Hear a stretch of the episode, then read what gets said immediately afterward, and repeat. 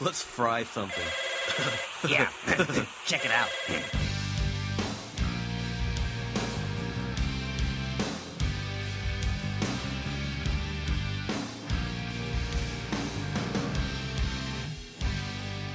Och Stone Temple Pilots minns jag också var ett sånt band, jag, jag kom aldrig in i dem. Jag liksom... Eh, Första skivan kom ju visserligen 92 där Ja.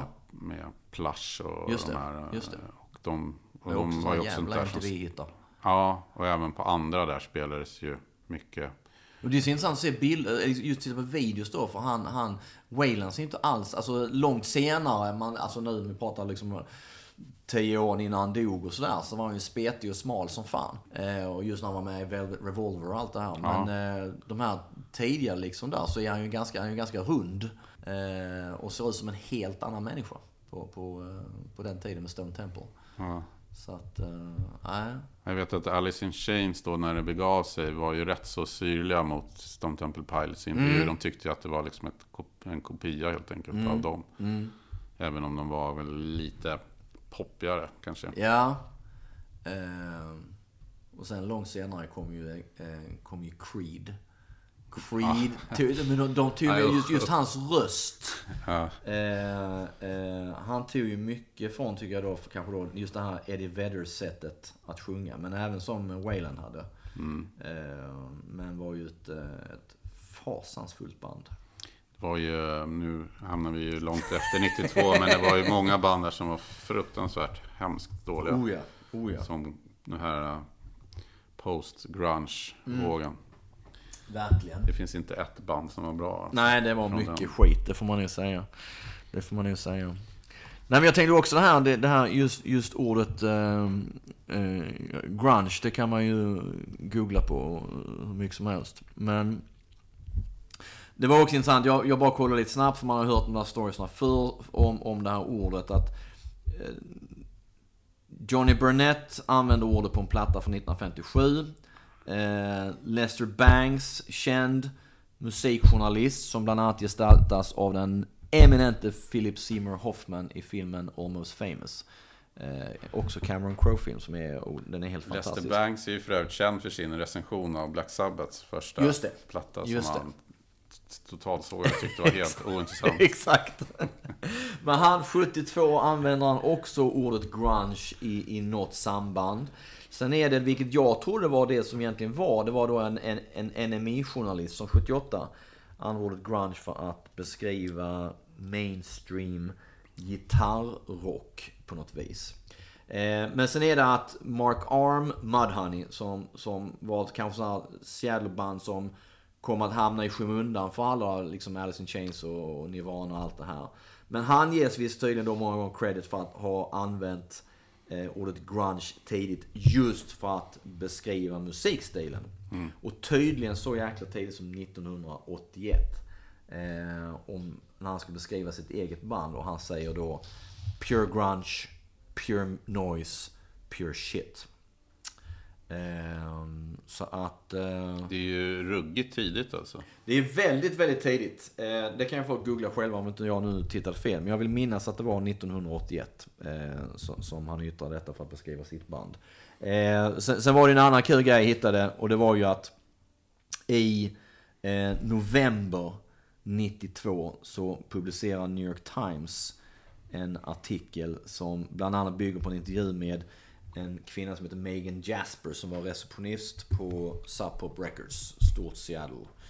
Och, och viktigt för, för grunge-eran, eh, skivbolag. Eh, och han, eh, vilket passar bra ihop med, med, som vi sa tidigare, med, med, med Vogue och det här och det här eh, Grunge and Glory-reportaget. Eh, reportern ville då ha reda på om själva grunge-rörelsen hade några egna slanguttryck som de liksom använde. Och denna Megan då hade tröttnat på alla frågor om grunge och Seattle och allt detta. Så att under intervjun när han frågade om detta så hittade hon alltså på uttryck som hon menar då skulle vara typiska för grunge-rörelsen. Bland annat då att lame stain, det betyder då det är en, det är en människa som är väldigt ocool. Och cubnubbler, cub det är någon som är en, en loser. Eh, och detta publiceras då eh, i New York Times eh, 15 november 1992. Jag tycker det är helt underbart. Eh, just med tanke på dagens fake news. Ja. så är det fantastiskt. Det fanns fake news även 1992. ja, exakt. Det behövdes exakt. inga sociala medier. Nej, nej, alltså. visst. visst. Mm. Ja, nej. Det, det, ehm, det, detta, detta fantastiska, fantastiska år. Nej, men jag vet ju idag att många, ba- många eh, musikentusiaster som då eh, idag fortfarande lyssnar mycket på kanske Alice in Chains Mm. och så. Eh, de blir ju lite störda om man liksom säger grunge och menar vad är grunge? Det, Man kan inte bunta ihop eh, Mm. Band och mm, på det sättet och bla bla bla sådär. Men, men det, det finns ju onekligen någon, någonting, i alla fall om man drar det så hårt så att det är liksom de som kom från Seattle så är det ju onekligen någonting som gemensamt i Oh ja. hur det låter. Oh ja. Eh, sen är det klart att det är tydliga skillnader på till exempel Pearl Jam och, och Soundgarden. är ganska lätt att höra, Absolut. tycker jag. Vilket, vilket Absolut, som är, absolut, absolut. kanske är svårare då med några andra. Och, och Nirvana också hör man ju direkt. Att det, men det är ändå någonting där som, som är väldigt eh, gemensamt. Ja men det är det. Det, det, det, det som också är intressant också att Pearl Jam är ju ändå det, det band som liksom fortsatt och fortfarande är ett band idag. Men som liksom för, för- mig har ju Pearl Jam liksom övergått till att bli som någon liksom Grateful Dead-grej. Är De, de är ute, de, de behöver inte egentligen släppa en platta längre. De drar en jävla massa fans. De har en jäkla stark eh, fanskara. Eh, de släpper en jävla massa, man kan liksom köpa deras liveskivor, vad vad jag kan säga. Alltså de var tidiga ut med såna här grejer. De, eh, de satsade upp mot Ticketmaster i USA och såna här grejer. Eh, och blev ju mer eh, vad ska man säga, deras sound har ju också förändrats mycket under den tiden liksom och blivit, var väldigt politisk också får man säga i, i många saker. Eh, Ja, men de var väl, även om, även om grungebanden då eh, naturligtvis slog ifrån sig och inte ville eh, bli någon uttalad sådär eh, talesman för en generation och sånt Ja. där, så fanns det ju väldigt mycket eh, tendenser i, i Oh ja. uttrycket i början. Liksom. Oh oh och om man ser till Kurt Cobain så var det ju mycket det här eh, som jag tror att många tog till sig. Eh, anti-jock-grejen här som, som kanske Pantera och sen Visst. de hade typ en annan typ av Visst. mer eh, Visst. grabbig hårdrock. Liksom, Visst. Som sen gick vidare kanske till Limp Bizkit och sånt där medans de var, men han spelade, spelade väl i klänning någon gång och såna här grejer. Ja, ja, de ville oh visa, de ville på något sätt ta, ta väldigt tydligt avstånd från det här uh, macho-grejen. Ja, ja, ja. Oh ja. Och det är ju, det är ju, då är det ett ganska tydligt statement så här. Och, Ja. och, Pearl Jam var ju också, de hade den här Jeremy-låten till exempel mot mobbing. Eh, och Alive och, så, och det var väl också, det fanns ju vä- väldigt mycket hela tiden. Det tänkte jag precis just det, innan du, hade nämnde Jeremy. Eh, För det, det läste jag alldeles nyligen att eh, den, den videon Jeremy blev ju väldigt uppmärksammad, speciellt i USA. Eh, och där blev det ju att eh, det, det, det tolkar videon så som den, den visades. Så blev det att folk tolkade för mig det här med att man, huvudpersonen, han, han utsätts för mobbning och liknande. Och sen så tror jag väl att, att i någon sekvens mot slutet så är det väl ett flera då ungdomar som de sitter i ett klassrum där alla har liksom som att de har blivit skjutna. Ja. Ehm, och det blir ju mycket så här på sen, apropå skolskjutningar och såna här grejer i USA. Men saken tydligen är ju att i originalvideon så slutar det med att eh, huvudpersonen tar fram en pistol för att sen alltså begå självmord. Men det klipptes bort för att det ansågs då vara för mastigt för att visas på MTV. Vilket gjorde att många missade budskapet med filmen. Eh, eh, och den fick en helt annan innebörd. För de bilderna som man ser nu så sitter ju de i klassrummet och är liksom nedstänkta med blod. Just det. Och ser just det. chockade ut så här. Så att det Just ser ut som att de har blivit skjutna. Just det. Fast det är Just ju då det. blodet som har stängt från honom. Exakt, exakt. Och nu istället blir det väl att han typ så här kastar äpplet och går ut. Just det, just King, det. King Jeremy the Wicked. Ja, Och, men eh, det var ju en väldig, ändå, även om det blev lite otydligt så var det ju en väldigt kraftfull Ja, ja, ja. och ja, ja, oh, annorlunda. ja. ja, ja, ja. För fan. Och bra tycker jag. video. Mycket bra. Eh, mycket, mycket bra. Eh, bra låt också.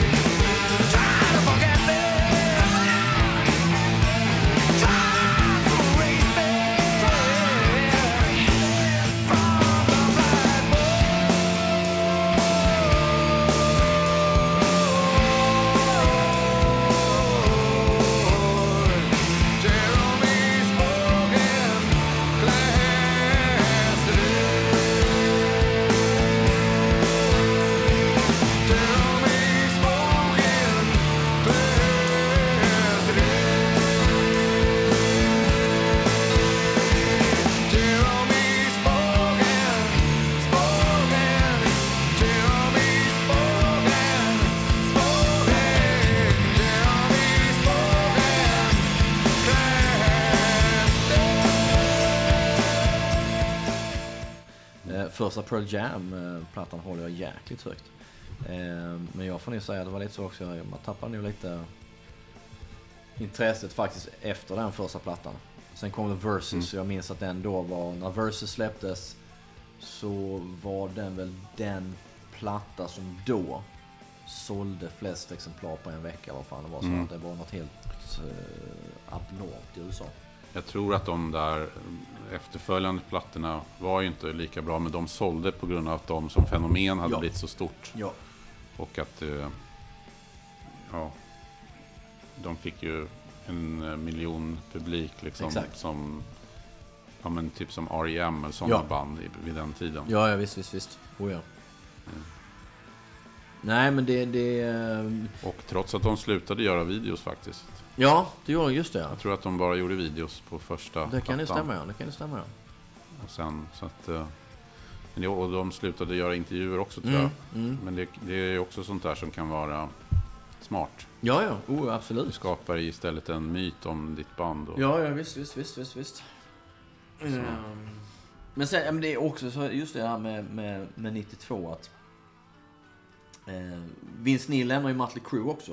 Eh, någon gång i, i eh, mitten av februari. Lite Eh, symptomatiskt. på något sätt. Ja, och, och liksom också då liksom på något vis döden för, för hela Sunset Strip. Eh, och han ersätts ju senare av John Corabi. Eh, och 94 släpper de plattan Mötley Crüe som för övrigt är fantastiskt bra. Men, eh, Ja, men det är en sån där platta som man har förstått att de som har gett en tid, till- det, det är ju många som, som eh, verkligen vill lyfta fram den, att det är en Ja, riktigt bra gud. platta. Helt fantastisk. Jag tycker den är fantastiskt bra. Skitbra. Men den kom lite senare och det, det som väl var lite jobbigt var väl att det kändes så oärligt att helt plötsligt stå med liksom stickade fingervantar och, och name, name, så här, Nicky Six skulle namedroppa Sonic Youth som var ett sånt här band som verkligen Ja, alla grungeband Ja, ja, upphöjde. I någon intervju så kom han inte på vad bandet hette. Bara, äh, men nu lyssnar vi på helt annan musik. Vi älskar det här bandet. Uh, vad heter de? Uh, vad fan heter de? Uh. Så jag tror inte Nicky Six är så jävla bright. Men, eh, nej. nej men det, och det tror jag gjorde att många liksom inte riktigt kunde ta det på allvar knappt. Liksom, det, Nej, eh, självfallet. Det, det är ju svårt att gå från liksom den man får kalla den här glättiga pudelradiorocken till att helt plötsligt vara skittuffa och också lite som Kiss på Revenge. Klä mer liksom på vis, jag inte, få en helt annan look och ska se jävligt svåra ut och det är mörkt och dystert och, och sådär. Men där var det ju egentligen så att nu kom den plattan 94 så det är ju två år efter då, 92 men eh, de vill ju inte släppa den som Mötley Crüe utan det var ju skivbolaget som tvingade dem. Mm. Eh, och eh, de, hade ju, de körde ju sen en turné som gick åt helvete. Eh, de hade bokat stora ställen och det kom liksom 5000 i sådana här 15 000 arenor. Och de hade Type Negative som förband. Eh, bland annat. Och det finns en fantastisk Kerrang-reportage med Mötley Crüe från 1994. Där, lite som du sa han, 96, han pratar om oh, han lyssnar på Sonic Youth och liknande sådana grejer. Och saker som han då antagligen inte haft en jävla aning vad fan det var. i denna Kerrang-intervju så står det någonting om att ah, men de blir intervjuade och Nicky Six sitter och liksom pratar om allt det här som typ var på 80-talet. Så jävla off det är nu liksom. Alltså skit, fan, hm, hm, åka limos och sådana jävla grejer. Sen berättar reportern hur de går ut, sätter sig i en jävla limo hela bandet för att åka 100 meter någonstans. Det var så jäkla talande. Det var så fantastiskt bra. Helt underbart. Helt underbart. Så att, eh, ja nej. Eh, Rob Halford lämnar Judas Priest eh, i maj. Eh, och eh, ja, och bildar eh, Fight då va, först. fight är det ja. Ja, just det. Och, och, och, och, blir ju också då liksom Fan, han, han liksom börjar ta, liksom, han, li- han har lite innan där börjat tatuera sig. Men jag tror det blir lite mer där. Och så går han helt plötsligt slitna jeansshorts, kängor, kör liksom grunge-modet rakt av. Liksom. Det blir också så här, det blir någon jävla tvärvändning. Ehm, även om man liksom kört med painkiller och det innan så var ganska så hårt. Så det blir också jättekonstigt. Men det, det, eh, men det, det är återigen, och, och just med Rob så till denna dag så är jag så fascinerad över att, att, att vi kanske har diskuterat det i någon annan podd men att jag hade verkligen inte en jävla aning om att han var homosexuell. Inte, alltså inte en blekaste. Det var va? Rob gay? Vad fan? eh, trots att kanske de liksom, med hans sätt att klä sig och, och ta modet från, från eh, eh, bögklubbar och den bögscenen och så som, som var kanske där på tidigt 80-tal och sent 70-tal. Så var det verkligen så här, nej vad fan alltså. Eh, men, men jävligt intressant. Och, och Judas Priest stört dök ju ganska så hårt efter det med Ripper Owens Mm. som sångare. Eh, vilket sen löst eh, blev grunden för filmen Rockstar med, med Mark Wahlberg. Just det. Och då, och då det var, vad heter det, Jugulator eller något sånt, vad heter det? Exakt. Och sen vad kom det någon till platta Ja, med honom? någonting med, inte det någonting med demo eller det, någonting, ja.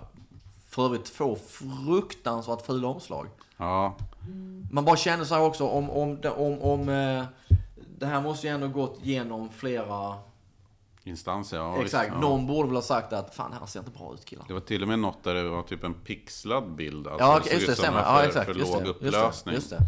Och Riktigt hemskt. det måste ju ha varit meningen, men det, det, Ja, ja, nej, men det blev ju inte snyggare för det. horribelt, horribelt. Faktiskt. Nej, inte alls. Ja, Nej. nej.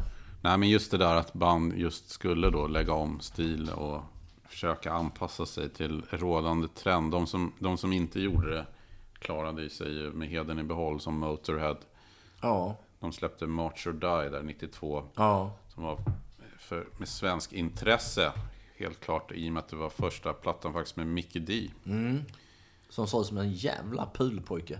Ja, han berättar ju i, eh, jag tror att det är hans kanske sommarprogram eller något sånt. Nej, det var nog i, hos Strage, hemma hos Strage-podden. Okej. Som eh, man kan lyssna på eh, hur hans första gig med Motorhead, som jag tror var Hammersmith eller något sånt där. Och hur han liksom, de här gamla hardcore Motorhead-fansen stod Ja, det liksom- berättade han i sommarpratet också. De stod och spottade på honom. Ja, Typ. och undrar vad, vad det var för jädra pudelrockare liksom. Men han klarade det. ja. Uh, Lemmisen sa att han var en bra kille liksom.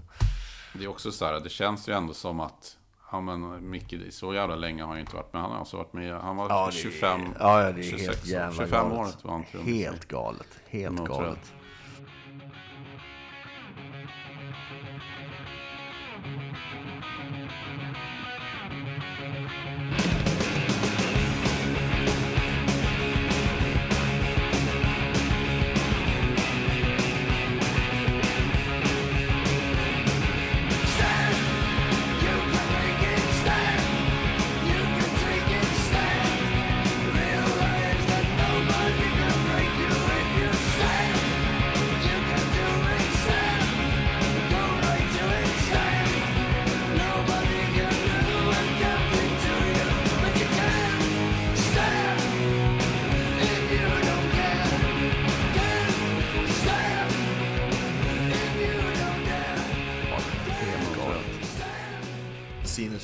Men alltså en annan nu då liksom eh, eh, platta. En, jag tror en platta som betytt oerhört mycket för mig. Jag köpte den inte när den kom ut, jag köpte något år senare. Men det är Ministry Psalm 69. Eh, en platta jag håller oerhört högt, lyssnar väldigt mycket på fortfarande idag. Ehm, ett av mina starkaste minnen är ju när jag våren 94 åker med en kille från New Jersey som skröt om hur han slog folk med snöskyfflar. Eh, han var 19 bast, jag var lite äldre. Och vi kör i liksom i 150 på väg in mot downtown Minneapolis i hans lilla Honda. Och han slänger på Psalm 69 på full jävla volym. en av få gånger som jag känt att shit, fan det är en snudd på att jag blir religiös nu. Överleva detta så svär jag mig trogen Gud. Ehm, men... ehm, Den, nej. börjar, den börjar ju rätt tungt med New World Order. Fantastiskt. Han samplar George Bush senior.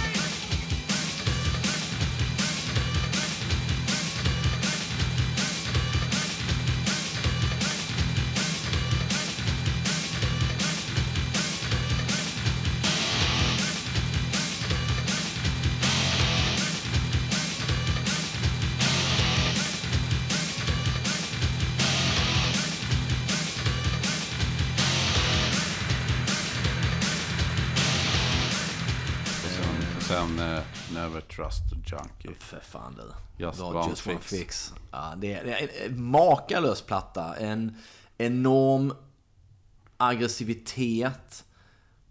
Men ändå, men samtidigt så är det ändå mycket melodi Mm. i låtarna och, och liksom lite sån här hitpotential.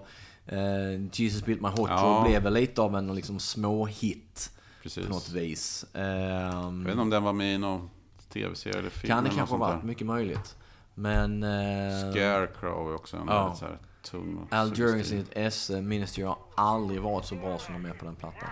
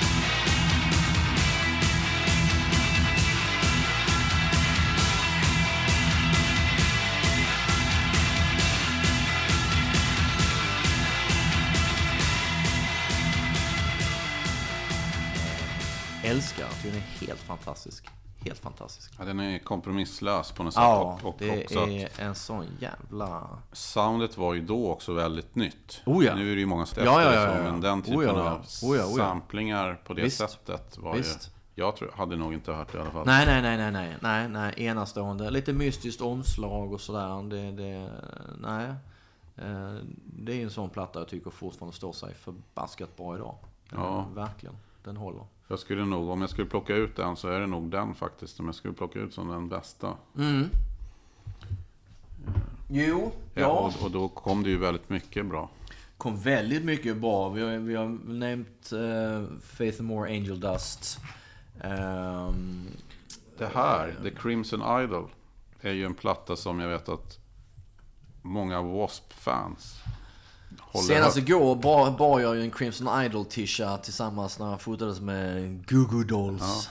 Jag, jag blev ju lite eh, entusiastisk här, för jag trodde att det var liksom en originaltröja. Ja. Jag var tvungen att skicka ett meddelande Ja. direkt där. Och sen kunde jag direkt säga att den var fake. Ja. Hittade den på, uh, vad heter det? Vad heter de? Det var en besvikelse. Beyond Retro heter de eller? Som hade någon sån här pop-up store i, i, på Sergels torg uh, för något halvår sedan. Eh, jo, det var något, eh, något eh, senare nytryck av, eh, av, en, av en tröja. Så vis, liksom, så att. För jag vet att det fanns några original och det står någonting med så här Jonathan på ryggen någonting. Ja, det är mycket möjligt. På min står det nu bara Crimson Idol eller någonting sånt tror jag. Jag kommer inte ihåg vad det står på baksidan. Ehm, Ja, speciellt på den släppte han ju då en ny inspelning av. Var det förra året eller i år? Ehm, och ehm, ja, jag vet inte. Jag hade Det känns ju som en helt idiotisk idé. Varför? verkligen. Det måste ju varit någon skivbolagsgrej då.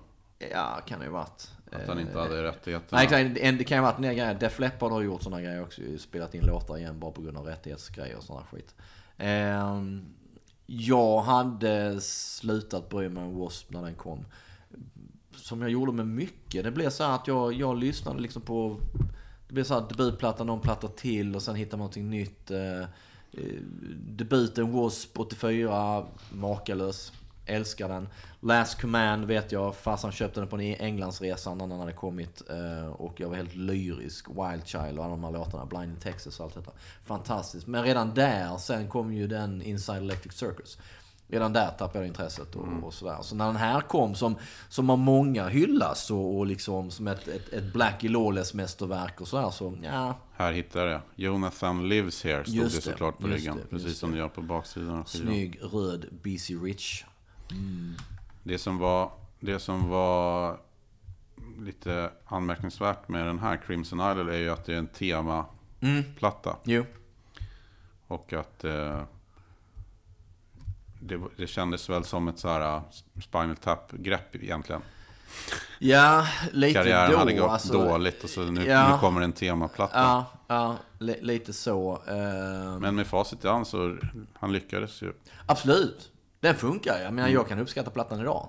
Tycker den är bra. Men då när den kom så brydde jag mig inte ett skit om, om, om W.A.S.P. Liksom. Det kändes som att det var, det var, det var borta för länge sedan.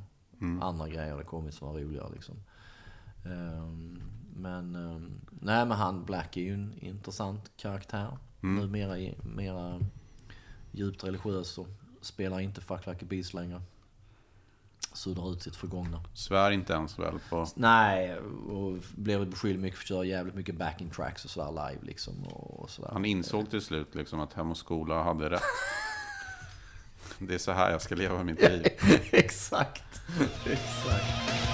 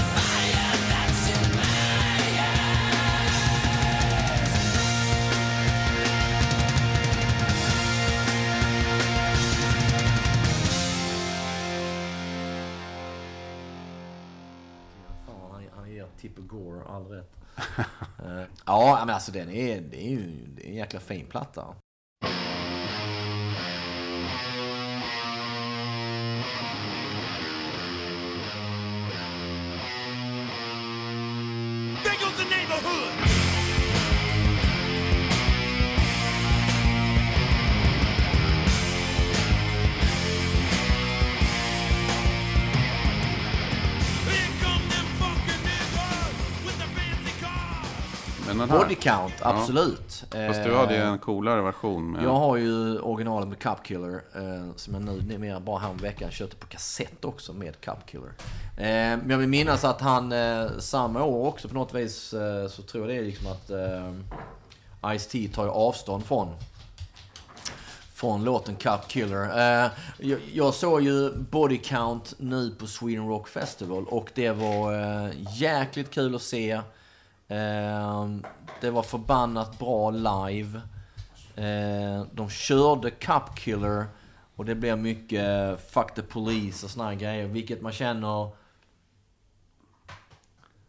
Jag förstår grejen i USA där du har en helt annan situation. Vi har inte riktigt den situationen i Sverige. Även om det varit mycket snack nu de senaste dagarna om en nylig, nylig händelse i Stockholm. Så... Ehm, men 92 var ju också LA Riots väl? Eh, ska vi säga, ja, eh, det stämmer. För det är ju det också. Alice in Chains Dirt.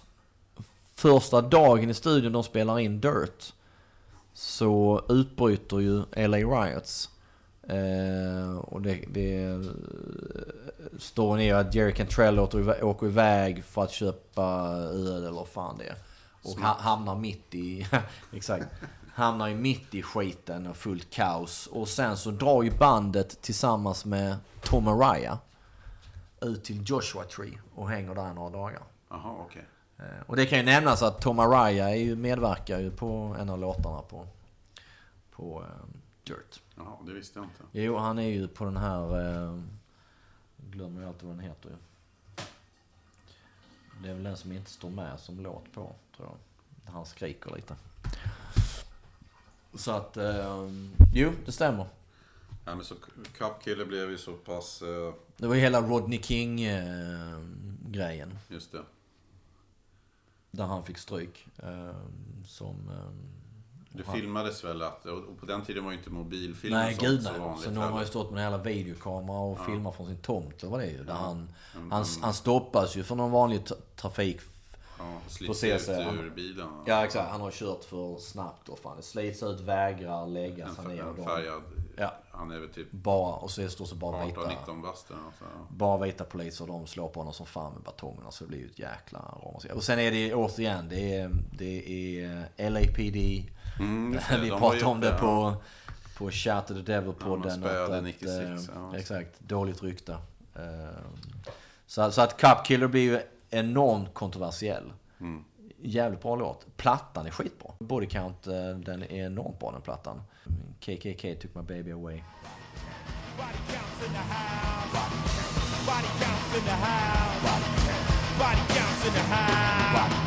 Right about now, the motherfucking place to be.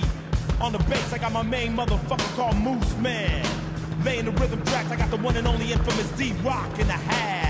On the drums, I got the one and only Beatmaster V, motherfucker. On lead guitars, I got my nigga Ernie C. And I'm Ice motherfucking T, bitch. Come on, come on, make some noise. Yeah, god damn it.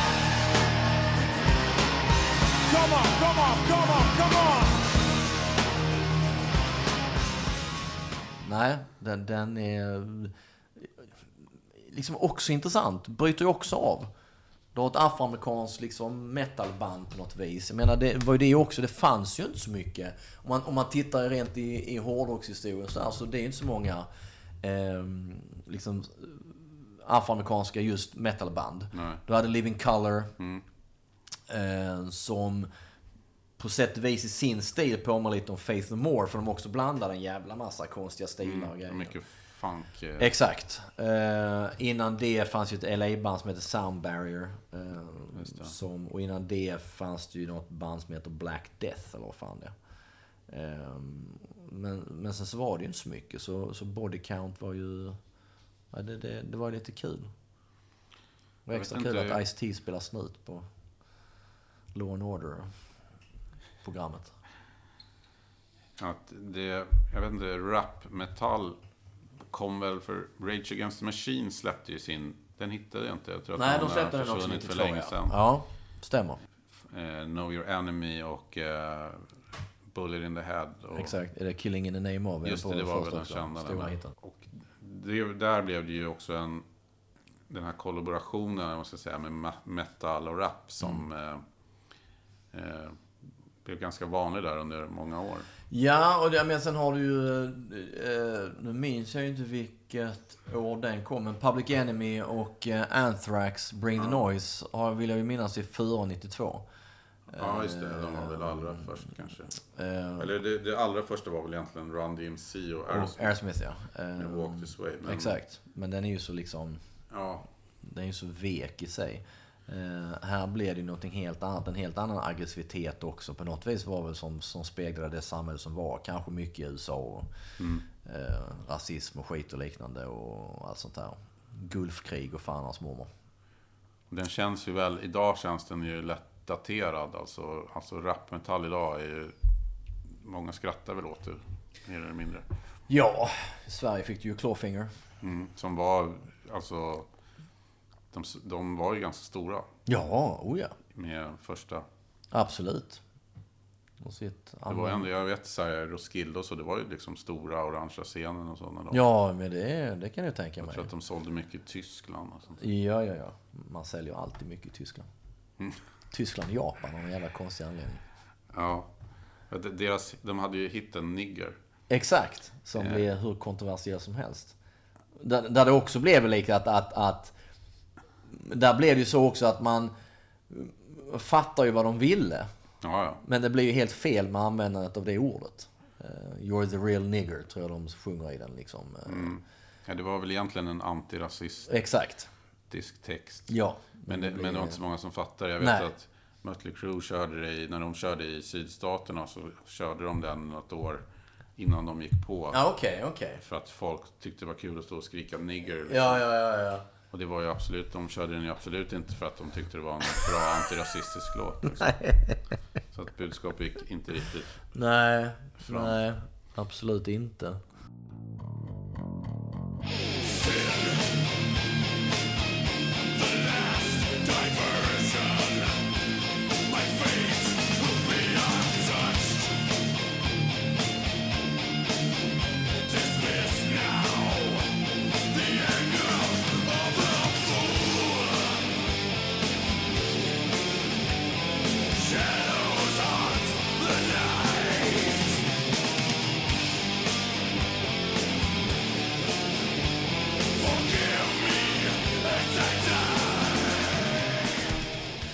Paradise Lost är lite intressant för att eh, Shades of God som då kom 92 var väl innan de egentligen, jag tror att det var på den efter Icon som de breakade eller vad man ska säga.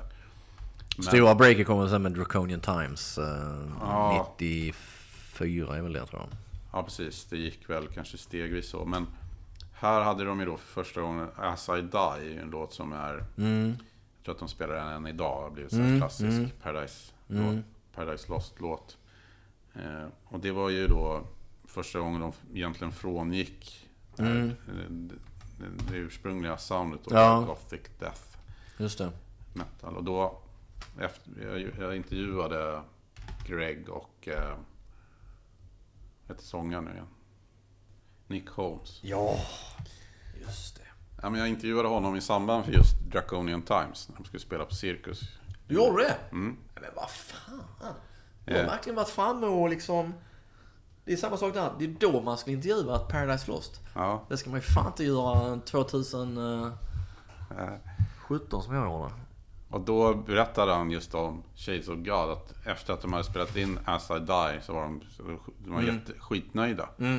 Och då sa de liksom så här, "Men varför håller vi egentligen på att spela de här andra låtarna? Det är ju ingenting vi själva lyssnar på eller gillar ens.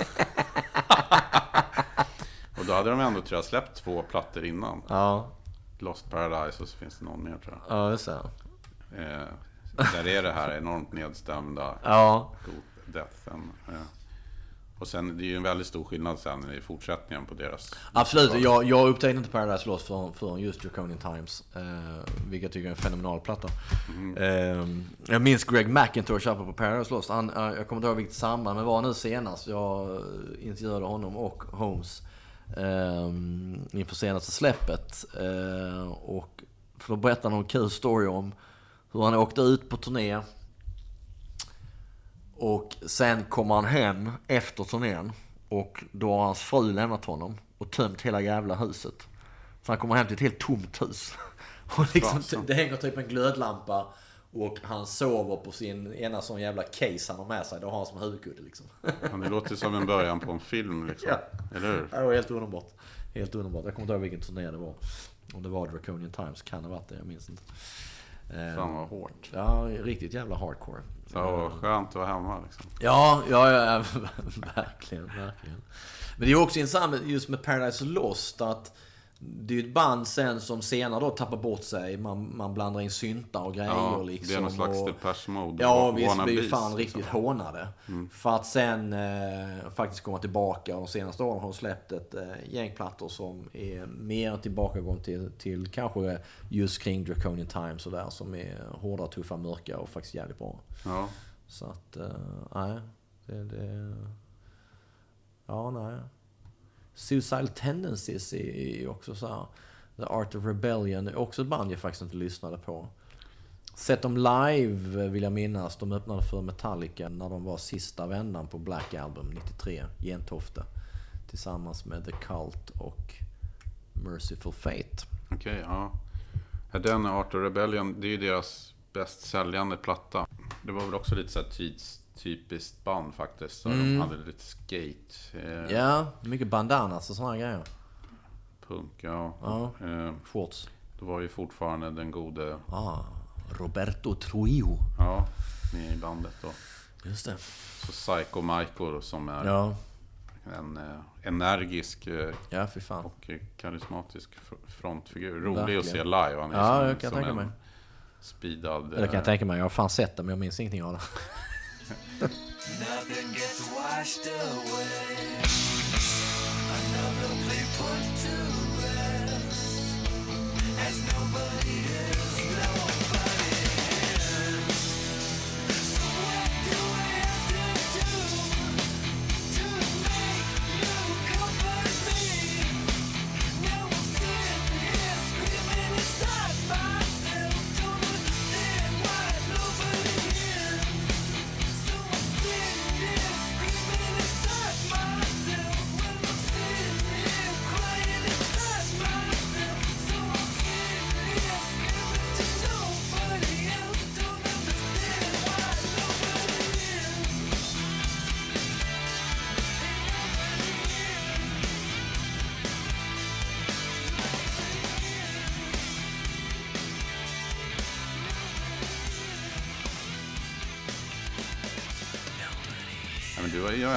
såg förbanden på de där.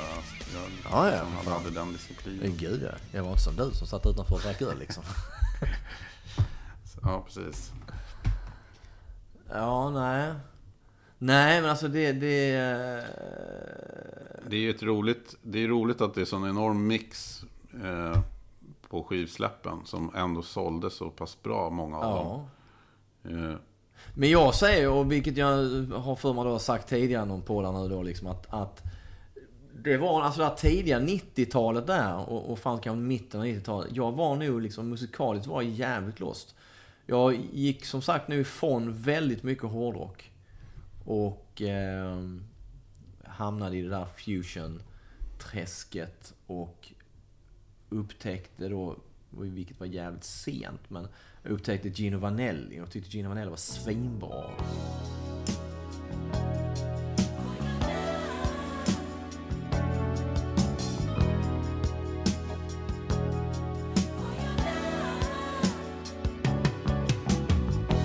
When I think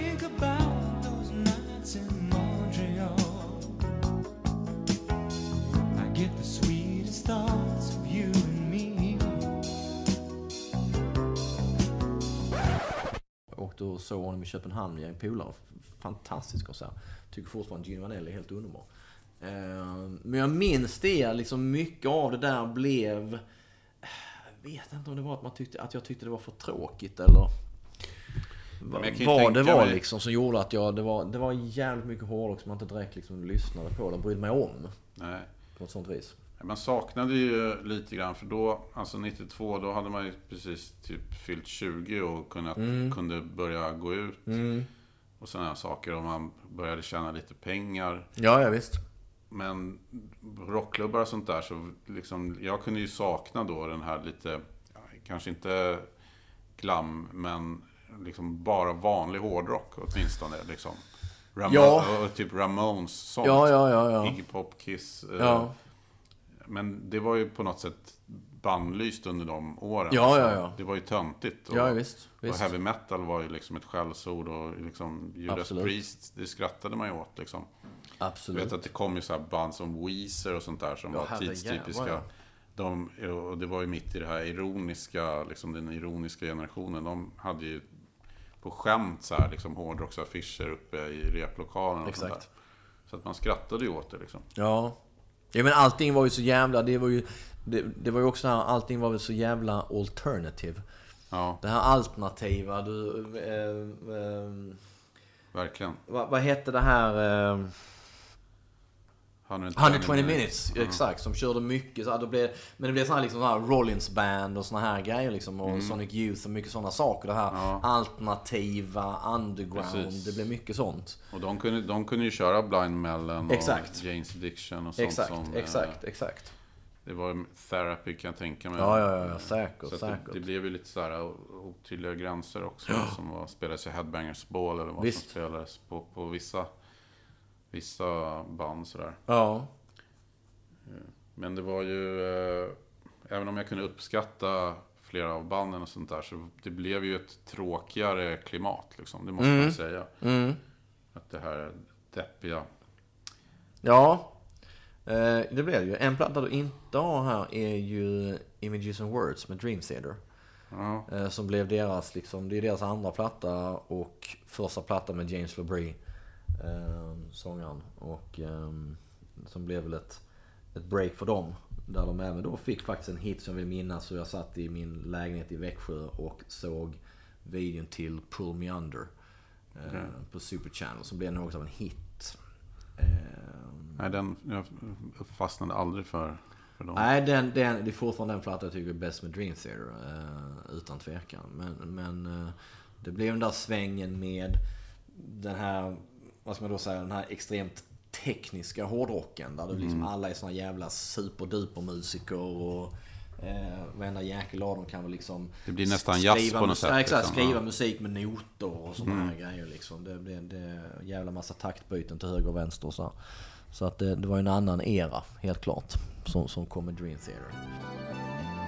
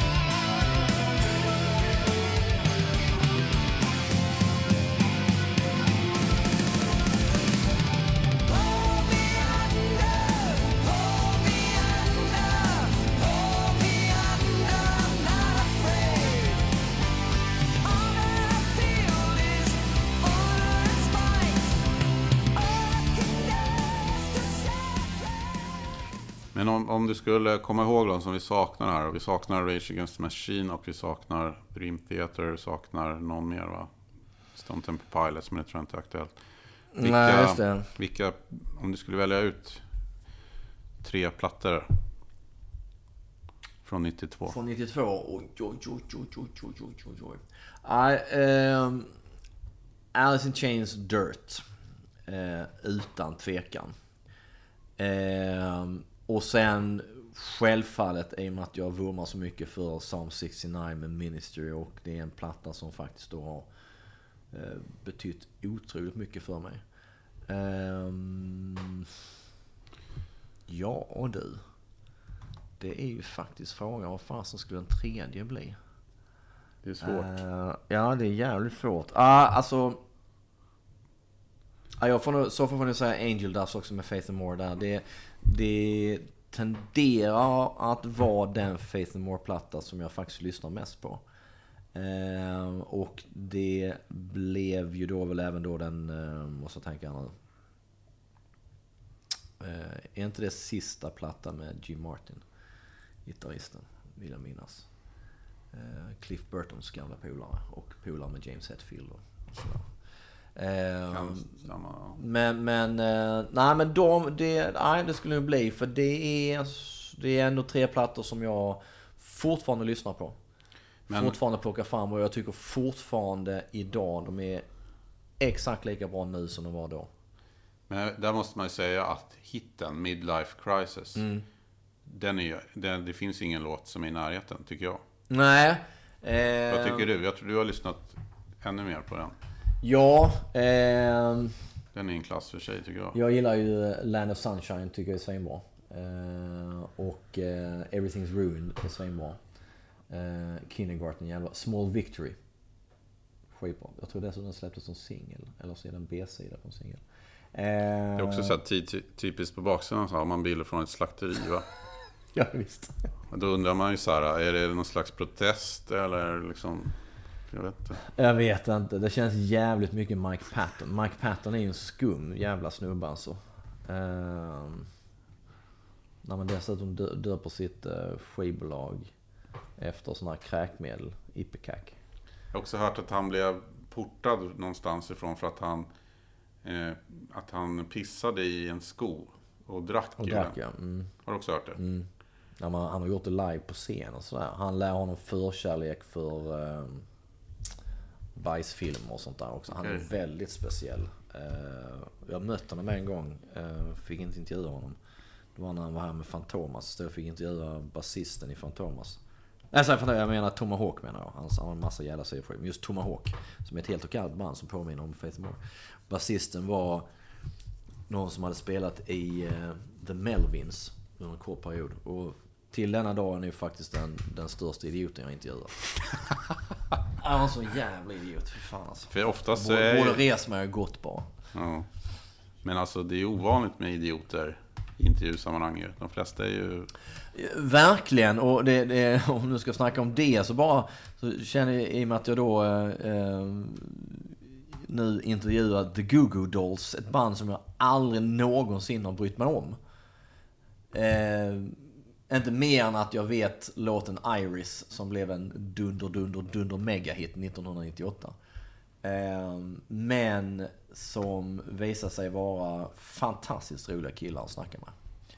Ehm, roliga, bjöd sig själva, ehm, kunde suttit en halvtimme till lätt och snackat utan tvekan. Och det, men lite så här just med intervjuer så, så är det lite så att eh, eh, kan ju, kan ju nämna Anders Lundqvist som du också känner. Mm. Eh, fantastisk... Rock'n'roll eh, magazine. Exakt, fantastisk eh, lär mig väldigt mycket från Anders. Hoppas Eh. Anders hörde nu att jag nej, att här Exakt. talade om vad hans tidning heter. Exakt. Eh, nej, men han skrev faktiskt det också. Att, att, för jag skrev att många gånger har de, alla de intervjuer jag har gjort, så många av dem faktiskt de som jag själv upplever som de bästa, roligaste, mest liksom, där det har kommit bra stories från, har varit med kanske just band som jag inte direkt bryr mig om. Eh, Google Dolls var ett sånt exempel. Eh, man kollar lite i förväg, tar reda på lite grejer, för det får man göra liksom. Men, eh, men det blir så faktiskt som Anders skrev också, att man, man frågar ju, man ställer ju frågor för att man verkligen vill veta. Eh, när det kanske är så just då att du inte känner till allting om bandet. Och då, många gånger blir det ett jävligt bra samtal av det. Jag tror ju att man märker lätt också som intervjuobjekt om personen har... Alltså jag tycker ju att det är totalt respektlöst att komma dit och bara... Jag vet ingenting om detta. Kan ni berätta? eh, Exakt. Hur många skivor har ni gjort? Liksom? Exakt, Då skulle jag absolut. nog gå därifrån Ja, ja, ja som intervjuobjekt. självfallet. Men om man märker att den, att den här personen kanske inte är vårt största fan, men han har ändå liksom gjort sitt jobb och kollat upp och ställer relevanta Verkligen, frågor. verkligen, ju- verkligen. Men annars är man ju bara fjantig. Ja, ja, ja. Oh ja, oh ja, oh. Och det, det är inte så kul att sitta och prata med ett fan egentligen. Nej. Man bara, åh gud, vad era skivor. Exakt. Allting är skitbra. Jag älskar alla era sju skivor. Men vi har bara gjort fyra. ja. Ja, men jag älskar dem ändå.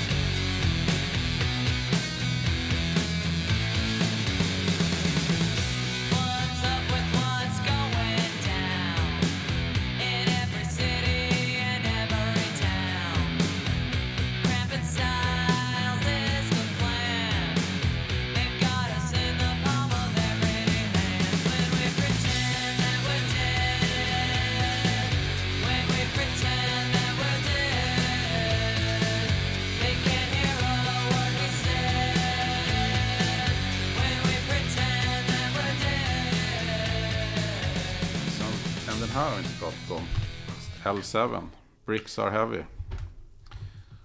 Jag läste någonstans att det kallades för Bubble Grunge.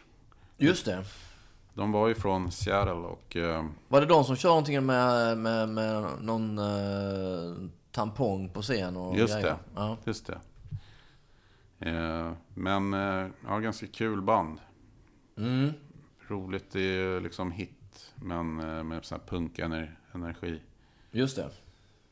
Eh, det gjordes någon film om dem. Jag har inte sett den men... Eh, det. Ja, ingen aning. Det är ett här är band som gick mig förbi på den tiden. Jag vet, de, de figurerar nog relativt mycket i Kerrang.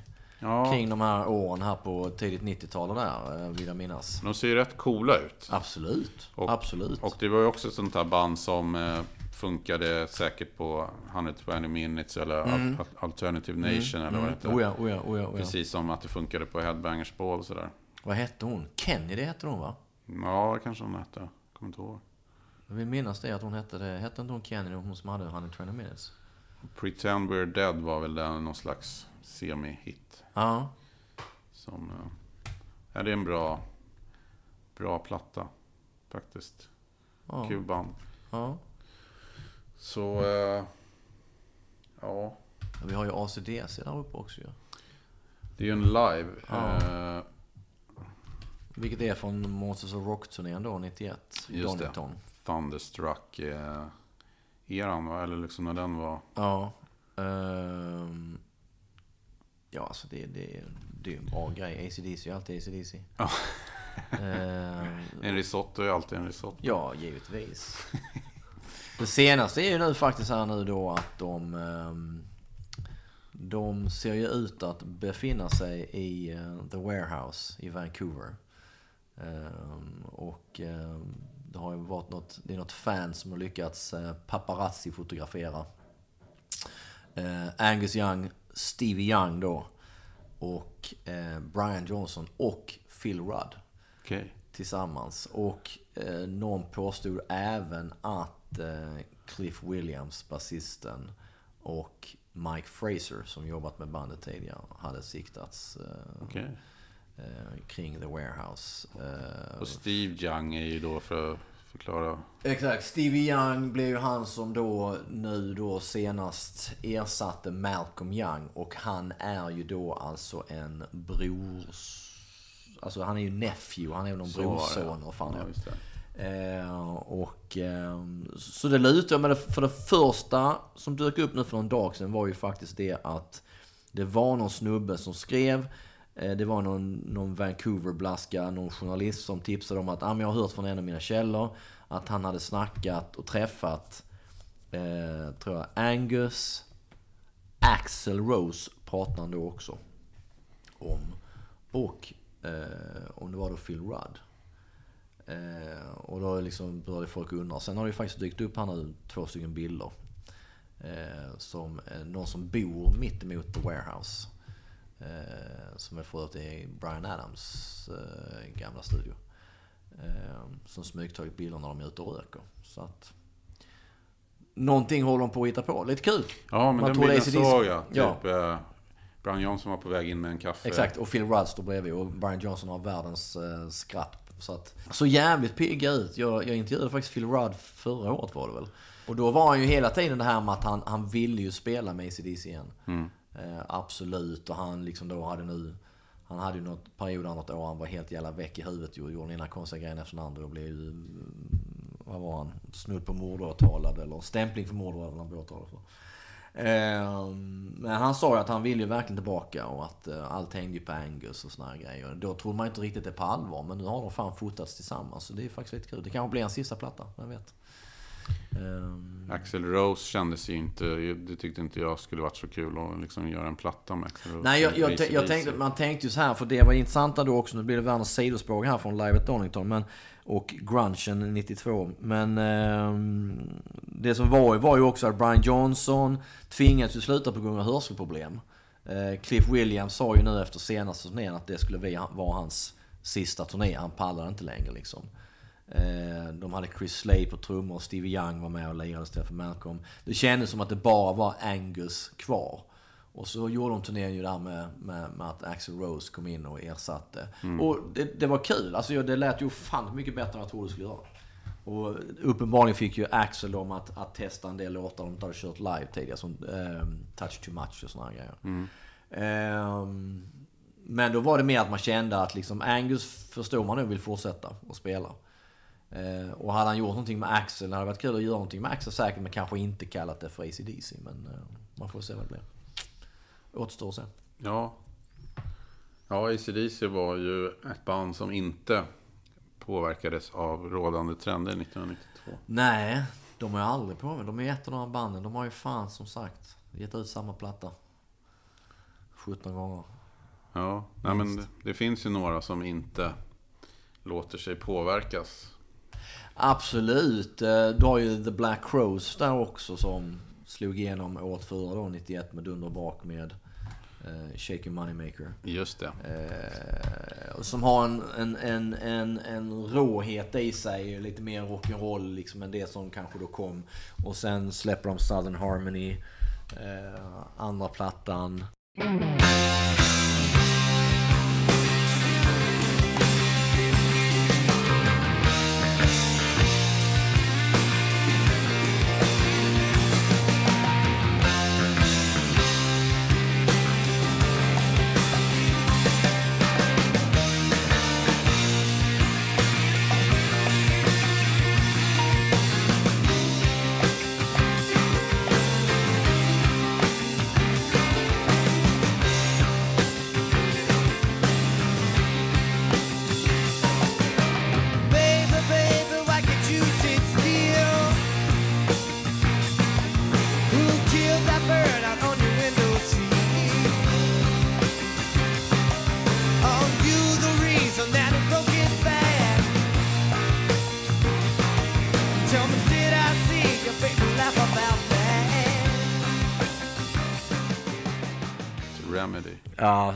stor MTV-hit också. Ehm, och där var det ju som sagt, jag träffade Rich Robinson och Mark Ford som kom med på denna plattan. Ehm, han hade spelat i Burning Tree innan. Ehm, jag träffade dem nu tidigare i veckan och eh, då berättade Mark Ford att anledningen till att Mark Ford kom med i Black Crows var för att det var en NME-journalist som sa till eh, Chris Robinson, sångaren i Black Rose att fan jag skulle kolla in Mark. Jävligt kul liksom. Och så blev det någon sån här att de blev sammanförda. Och han sa också i intervjun som jag gjorde, de, både Mark Ford och Rich tillsammans. Så sa han det också för att det är ju känns som sen länge att eh, Robinson-bröderna är som Gallagher-bröderna i Oasis. Att det var ett jävla fightande och sånt. Och Black Rose liksom, de, de finns ju inte längre.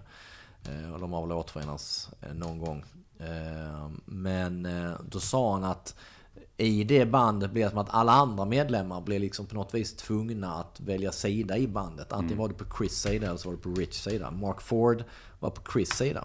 För att Chris var den som har sett till att han kom med i bandet. Eh, Så lite kul. Men, men jävligt bra platta. Eh, Mycket, mycket bra. Eh, Black Crows var ett jävligt kul band.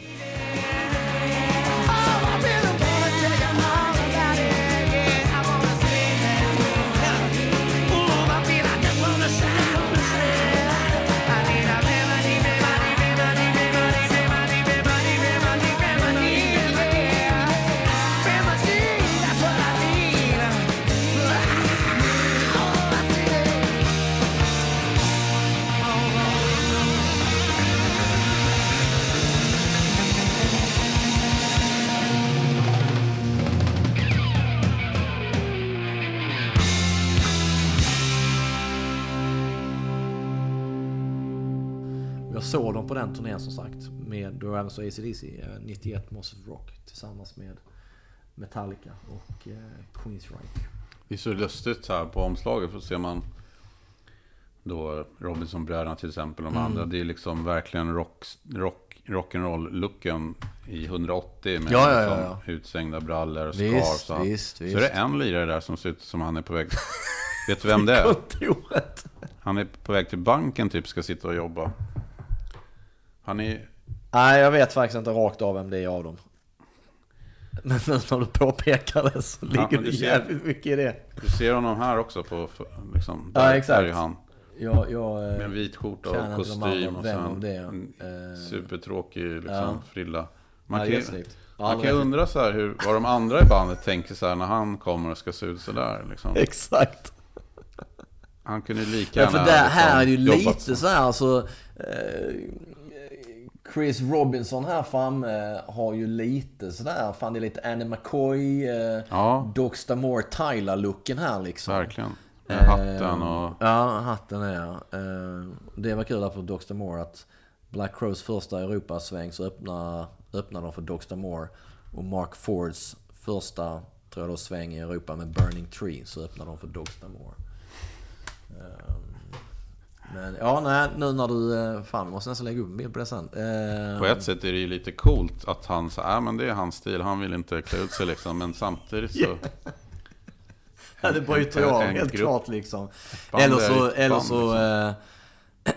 eller så var det ingen som berättade för honom. eller så sa de fan vi kör, vi kör kavaj och... Ja, skulle vi fotas idag? Fan ja, också. exakt! Till omslaget också.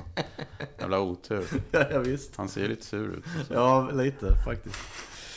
Nej men det är för fan, det, var, det är ju jäkla massa grejer vi har, har täckt av här ju. Ja, Ehm, vi har surrat i snart två timmar också. Ja, ja, eh, vi kan väl bara nämna det här också att 92 Europe kastar in handduken. Mm.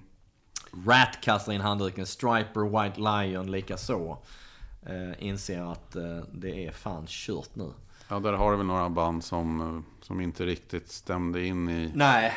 In, inte, bara, inte bara att det inte var grungeband utan även om man ser till hela den här nya tiden. Med Ja. det är en annan typ av Absolut. uttryck och musik som är Absolut, visst är det så. Visst är det så. gångbar. Ja, ja, ja, ja. Eh, så är det ju. Eh, notera här att Warrant släpper Dog Eat Dog Ja, jag undrar... 1992. Jag vet inte om jag har hört något från den någon gång. Men jag undrar om det inte var en sån här... äh, Ett försök till grungifiering. Kan det mycket möjligt att vara. Jag var aldrig något Warrant-fan. Eh, Men du som gillade Sunset. Strip. Ja, fast jag, Warrant kom ju egentligen mer mot liksom, slutet av 80-talet. Mm, det var för sent för dig. Eh, alltså. ja, det var liksom, jag var alldeles för ball och tuff för eh, Warrant. Eh, inte ens eh, Cherry Pie var någonting jag tyckte var speciellt fantastiskt. Hon Cherry Pie-bruden, Bobby Brown, har ju numera någon form av stand-up karriär. Mm. Hon var ju för övrigt gift med Janie Lane då, sångaren i Warrant och senare även eh, flickvän till Tommy Lee. Okej. Eh, hon var tillsammans med Tommy Lee. Jag gillar rockers. Hon gillar rockers. Tommy Lee åker iväg med Pamela. Och kommer tillbaka efter några dagar och är gift. Utan att hon hade en aning om det. Hon har skrivit en ganska intressant bok. Faktiskt. Ja, hon hoppar tidigt i säng med Leonardo DiCaprio. Okej. Mm. 1992. Nej, det var nog, ja, det kan ha varit omkring. Ja, det kan ha varit senare. Jag vet inte när Leonardo, han, eh, ja, han gjorde inte så bra ifrån sig, minns jag att hon skrev. Jag undrade just. Ja, exakt. eh, sen kan jag gärna mena också eh, Bon Jovi som också menar då kvarlevor från 80-talet. De släpper ju Keep the Faith som de faktiskt får en, eh, rejäl hit med det också. Eh, John Bon Jovi, Ny Frilla, var en sån sak. Rätt hemsk. Ja, jag vet inte. och frilla? Ja, man, eh, jag tror inte någon hämtar sig sen det. Eh, Black Sabbath köpte ju, eh, köpte släppte ju eh, The Humanizer. Ja, den vet jag att jag har haft. eh, Ja. Men den har jag nog tappat bort för länge sedan.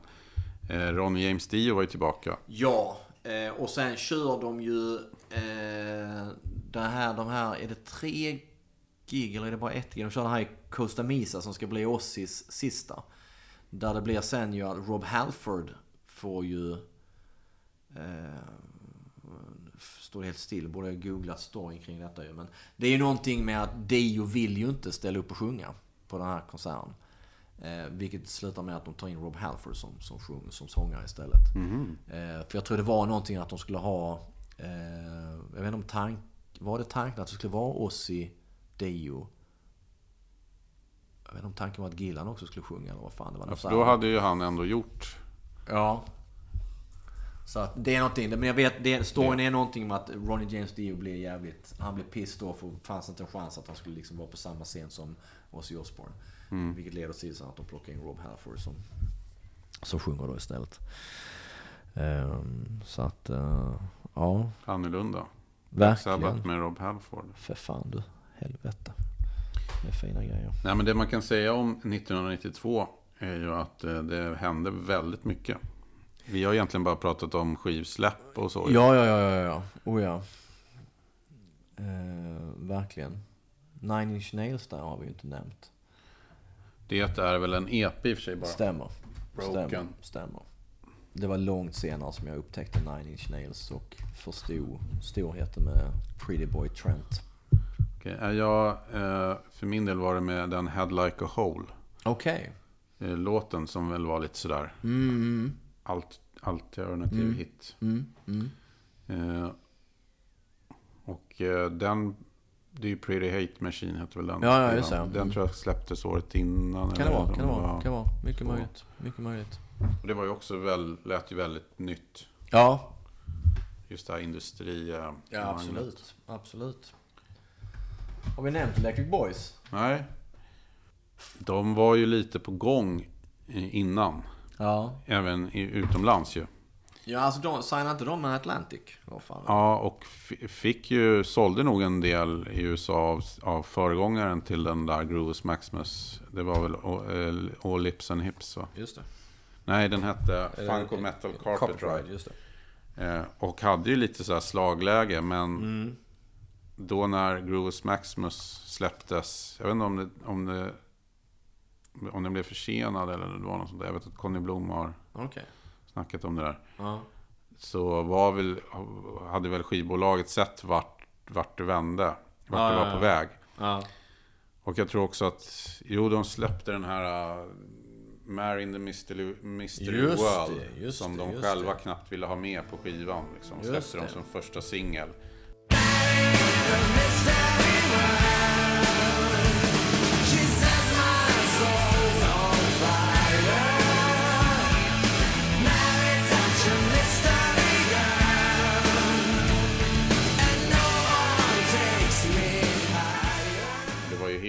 Fel i den tidseran. Jag menar, Ja. Mm. det var ju hårdare grejer som gick bra.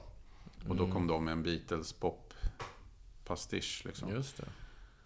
Så sen när de skulle... Men då vet jag att Conny Blom har sagt att han trodde det var lugnt för han trodde så mycket på... De hade en ballad som heter Dying to be loved. Okej. Men då när de skulle spela in en video till den så fick de inga pengar från skivbolaget. Utan de st- ströp den budgeten. ja, ja.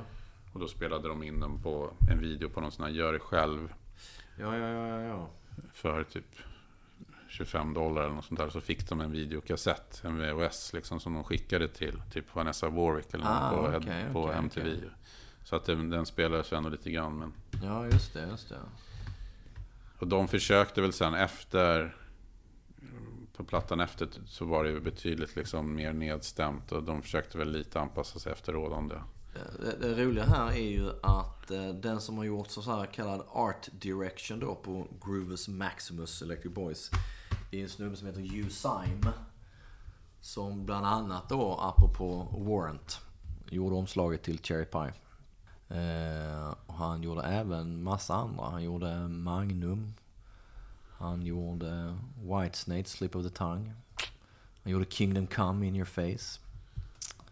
För att det här är ju också då 1992 och på omslaget är en liten tjej som står omringad av gigantiska syrsor eller Ja. gräshoppor. Gräshoppa, ja. Och idag är det här äh, är liksom väldigt lätt att göra. Men förmodligen är det här då 1992 gjort med liksom att man har suttit och skurit i Säkerligen. Säkerligen klippt in. och förstorat upp. Ja, ja. Han gjorde New Jersey med Bon Jovi. Herregud, han gjorde hur mycket kul som helst ju. Night Ranger, Man in Motion, Kingdom Comes Boot. Massa Rush-plattor. Fantastiskt. De var inne på någonting där. Helt klart. Conny Blom såg ju cool ut. Så jävligt kul ut alltså. Helsike. Måste varit en riktig jävla babe magnet på den tiden ja. Jesus. Men också en bra gitarrist. Conny. Ja, ja. Helt klart. Absolut. Skittrevlig snubbe. Jaha. Kan vi 92 nu? Ja jävlar du. Vi kan ju säga direkt att det blev två delar. Ja det måste vi bli. Det, skulle, det känns som vi skulle kunna göra tio delar. Ja lätt alltså. Ja det var en jäkla massa grejer. Men oerhört intressant att, att eh, ta en, en tripp ner för Ja. memory lane. Och liksom tänka till lite vad man, vad man lyssnar på. Och, och just vad som hände det året. Det är jäkligt kul. Så eh, vi kan ju säga till lyssnarna att eh, om ni tyckte det här var kul med årtal. Jag har ju visserligen svamlat tidigare om 1984 också. Mm, just det. Som känns som ett klassiskt. Den kan ni leta upp. Det finns i backkatalogen. George Orwell. Då är tyvärr inte Niklas med eh, och förgyller podden med sin stämma. Men eh, gjorde du så bra själv så. så tyckte ni det var kul så det här var kul så kom gärna med tips på några år som ni tror skulle vara kul att, eh, Ja, gud ja. Att prata om. Och överhuvudtaget kom med tips. Verkligen. finns ju inget roligare än att snacka ner sig, nörda ner sig och sådana här grejer. Ja. Och vem vet, vi, eh, jag menar det känns ju som att vi börjar bli närma oss moderna tider här. Ja, bara ja, ja. 25 år tillbaka i tiden. Ja. Snart kanske vi kommer in på 2000-talet. Verkligen, verkligen. Jag vet aldrig vad som kan hända i podden här. Men Ja. ja. ja, jag tror att det blir svårt att slå 92 när det gäller Mm. otroligt mycket betydande skivor. Ja, utan tvekan. Utan tvekan. Så att, eh, vi får se, vi får eh, tänka efter ordentligt. Gör vi, helt klart. Så tills nästa gång, ha det så bra. Tackar. Tack för oss.